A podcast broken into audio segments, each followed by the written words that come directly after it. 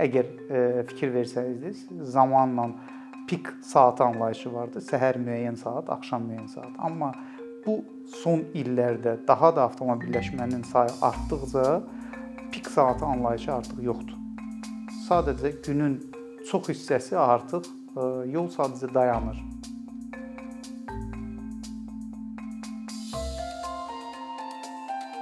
Bakı şəhərinin mobilliyindən danışanda, yəni mobillik deyəndə A nöqtəsindən B nöqtəsinə hər hansı bir vətəndaşımızın e, gedəcəyi e, və qət edəcəyi yoldan söhbət gedir.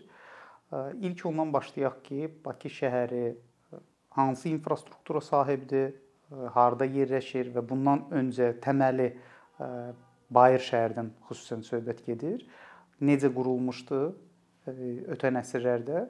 Demək Bakı orta statistik bir Avropa şəhəri kimi qurulub. Yəni kvartalnə zastroyka deyirlər də, kvartal tipli tikilib. Müəyyən dövrlərdə bəzi ə, sıx ə, və plansız tikililər öz fəsadını da göstərir, amma ümumi götürəndə Bakı şəhərinin e, ilk metrosu tikiləndə vəziyyət necə idi? 1967-ci il e, 7 noyabr tarixində İlk 55 il bundan öncə 9.2 kilometrlik metro xətti çəkiləndə e, demək Baksovet indiki İçəri şəhərdə Nərimanova kimi bundan başqa yerin üstündə bizdə nə var idi? 102 kilometr yüngül reysli dəmir yol sistemi, yəni tramvay, bir e, böyük trolleybus şəbəkəsi hansı ki sonradan 300 kilometrə kimi genişləndi və 198 kilometr şəhər ətrafı elektrik qatarı, yəni e, elektriçka deyək. Və bu dövrdə 1 milyon 200 min əhali yaşayırdı Bakıda. Bu illər ərzində e, Bakının əhalisi hardasa bir 4 dəfəyə yaxın artıb. Bakı dediyimiz, bunu da xırdalayaq, var Bakı və Böyük Bakı aqlomerasiya, yəni Xırdalan da, Sumqayıt da əslində Bakıdır. E, amma Biz 2004-cü ildən bu yana çeşidli ictimai nəqliyyat növlərinin, yəni daha çox sərnişin daşıyan növləri sadəcə ləğv etdik. Şəhər ətrafı elektrik qatarı demək olar ki, ləğv olundu 2009-cu ildən. Yenidən bərpası 2015-ci ildən 91 kilometr Abşeron dairəvi kimi qurulub. Onun da ayrı bir nüansları var ki, qatar sayı azdır. Əslində əgər qatarları artırsaq elə yerüstü metro funksiyasını daşıya bilər və çox effektiv də ola bilər bu. Hal-hazırda bütün yük Bakı şəhərində əsasən avtobus, ikinci yerdə gəlir metro şəbəkəsi. Metro şəbəkəsi bizdə 38.8 kilometrdir. Məhduddur, yəni böyük Bakı üçün. Genişlənməsi nəzərdə tutulub, amma daha xərclidir. Yəni daha böyük investisiyalar tələb olunur ki, bu layihəni icra olunsun. Və yekunda tələb var və onun qarşılığında təklif amma çox məhduddur. Bu mənada insanlarımız daha çox fərdi nəqliyyat vasitələrinə və taksilərə üst tuturlar. Və bu da küçə yol şəbəkəsinin artıq tıxanmasına gətirib çıxardır. Yəni bizdə əgər fikir versəniz, zamanla pik saat anlayışı vardı. Səhər müəyyən saat, axşam müəyyən saat. Amma bu e, son illərdə daha da avtomobilləşmənin sayı artdıqca pik saatı anlayışı artıq yoxdur. Sadəcə günün çox hissəsi artıq e, yol sadəcə dayanır və yaxud çox e, zəif sürətlə. Çıxış yolu nədir? Çıxış yolu küçə, yol sahəsinin effektiv istifadəsidir. Yəni bunu biz özümüzdən icad etmirik. Bütün mütərəqqi şəhərlər, böyük şəhərlər şəhərdə ən bahalı resurs torpaqdır. Və bu bahalı resursu biz səmərəli istifadə etməliyik. İlk olaraq ictimai nəqliyyatın üstünlüyü olmalıdır. Adi bir daha anlaşılır olmaq üçün bir misallar gətirim. Siz metroda gedirsiniz. Metroda qatarın hərəkətinə mane olan bir şey var? Yoxdur. Sadəcə qatar öz yolu ilə hərəkət edir. Yəni ayrılmış onun elə yerin altında öz zolağı var. Eyni ilə yerin üstündə küçə yol şəbəkəsində, yəni küçənin müəyyən hissəsini, zolağın ayırırıq yalnız avtobus. Müstəsna hal kimi operativ nəqliyyat vasitələri, yəni polis, təcili tibbi yardım və yanğın söndürənlər də istifadə edə bilər. Və bu halda artıq sizin dayanmayan saat kimi işləyən ictimai nəqliyyat, yəni bir növ avtobus fəaliyyəti fasiləsizliyi təmin olunur. Moskva şəhərində hətta dəmir yolunun da ayrılmış bir zolağı var.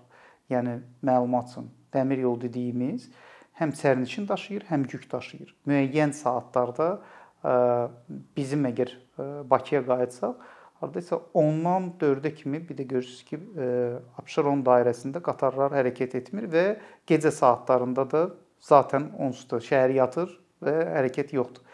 Bu saatlarda yük trafiki hərəkət edir. Bu yük trafikini də biz gərək sərnişin trafikindən ayıraq, dəmir yolundan danışırıqsa. Və ən effektiv şəhərin nüvə hissəsində, şəhərin mərkəz hissəsində hərəkəti təmin etmək üçün biz yüngül reysli dəmir yol sistemi, yəni tramvayın Bakıya qaytarılmasını təmin etməliyik. Çünki eyni sahədə daha çox adam yaşayırsa, daha çox adam hərəkətinə ehtiyac varsa, bunun ən effektiv yolu daha çox sərnişin daşıyan yüngül reysli dəmir yol sistemidir. Elə küçələr ola bilər ki, sizdə avtobusla siz bu mobilliyi təmin edə bilməzsiniz. Bunun da obyektiv səbəbləri var ki, çünki 4 milyona yaxın olan bir əhalisi şəhərin bir avtobusun üzərində dayanıqlı ictimai nəqliyyatı təmin edə bilməz. Xüsusən də onun əgər üstünlüyü yoxdursa, yəni hamısı tıxacda dayanırsa, onun cəlbediciliyi olmayacaq. Bu gün əgər küçədə, küçə yol sahəsində bizdə əgər avtomobillər hamı tıxacda dayanırsa, avtobus da tıxacda dayanırsa, tıxacda dayanan sadəcə fikirləşəcək.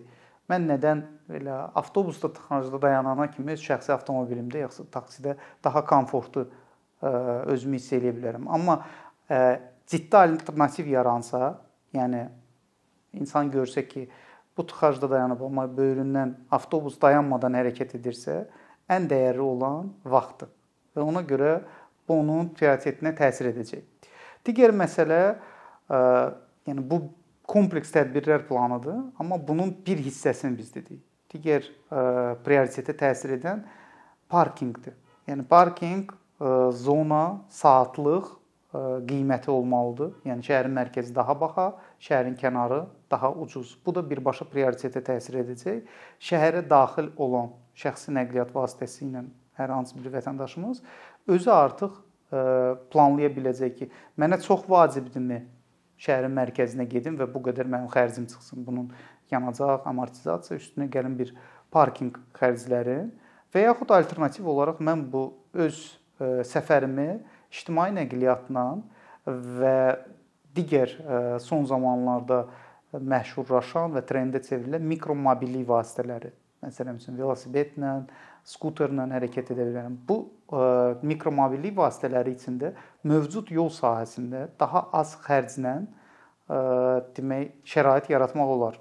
Zolaqların ensizləşdirib bugünkü 3.75, 3.50-ni 2.50, 3 metrəyə kimi sıxışdırıb artıq qalan sahədə velo zolaq təşkil etmək və burada da artıq skuter, velosiped və mopedin də hərəkətin ayırmaqla, öz zolağı ilə hərəkətini təmin etmək və ondan sonra hətta qanunvericilikdə də dəyişikliklər etmək etməklə buna əsasən nizamlamaq olar. Yəni göründüyü kimi hər bir tıxacın həlli var. Sadəcə bu həll variantları biraz azıq radikal qərarlardan asılıdır.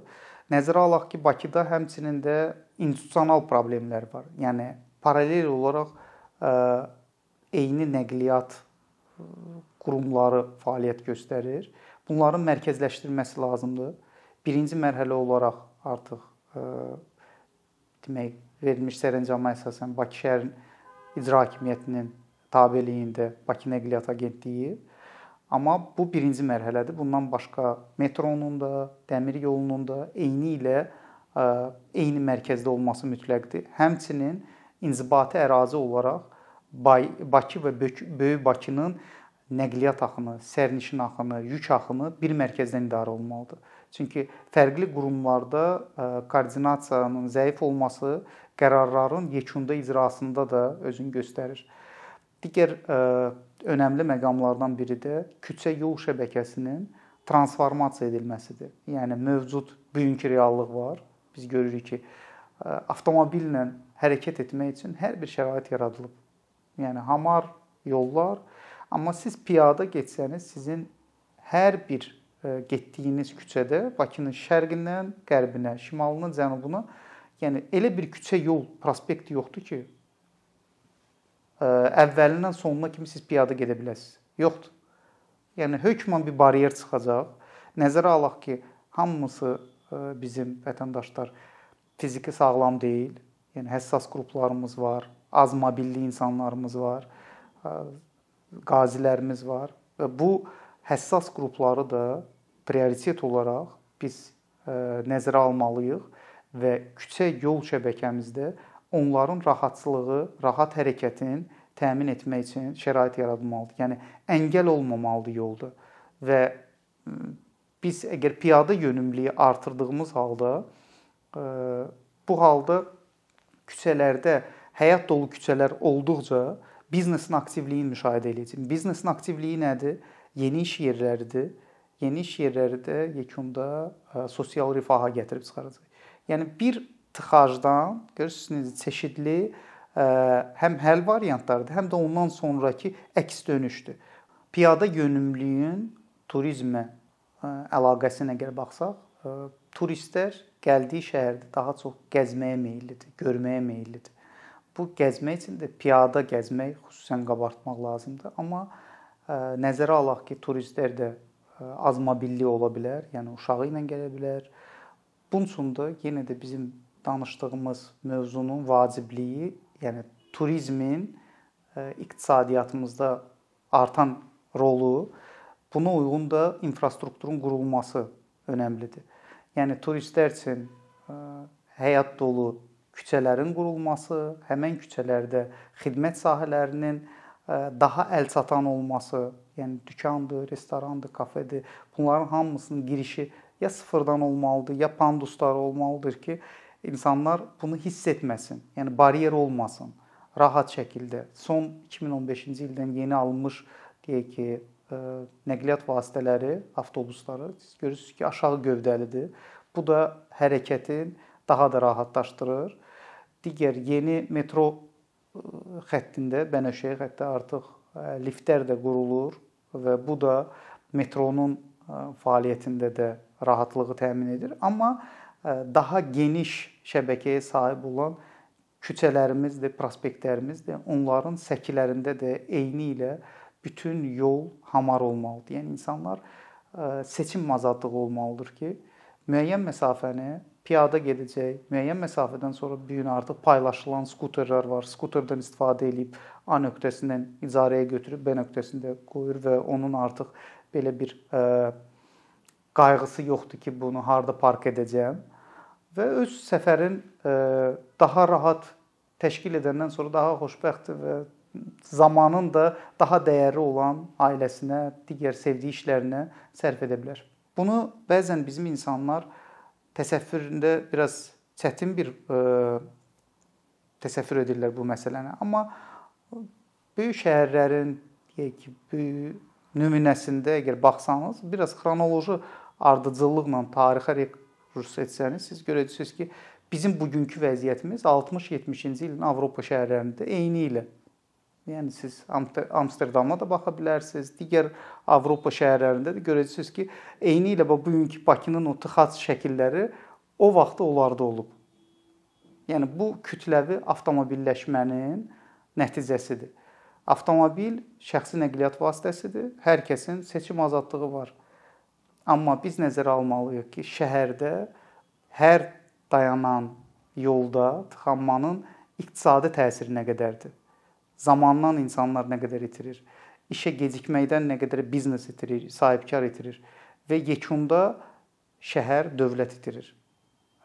Bunun hələ bir əlavə qatqısını qatsaq ki, demək, səskiriliyi var, aqressiv mühit yaranır və bu yekunda şəhər insanının da həyat keyfiyyətinə birbaşa təsir edir. Siz ə, işə gedirsiniz, gecikisiniz, yolunuzda əngəl var, işdən qayıdırsınız, yenə gecikisiniz, yaşadığınız məhəllədə hər yeri maşınlar zəbt eləyib və siz nə həyətinizdə istirahət edə bilirsiniz, nə getdiyiniz işdə sevə-sevə gedə bilirsiniz. Yekun sizin bütün gününüz stress içindədir. Və burada heç kimi ayırmağa gərək yoxdur. Hamı cəmiyyət olaraq bunu hiss edir. Bunu istənilən e, deyək ki, sənət sahibi, məslək sahibi bunu hiss eləyir öz gündəlik həyatında. Bu da bizim e, həm səs kirliliyindən, aqressiv mühitdən bizim bu xoşa gəlməyən bir mühit yaradır. Yekunda gətirib çıxardır ki, həm şəhər olaraq cəzb etməsi itir. Şəhər olaraq biznes aktivliyi aşağı düşür. Yekun olaraq bizim özümüzə çox mənfi təsir göstərir. Thank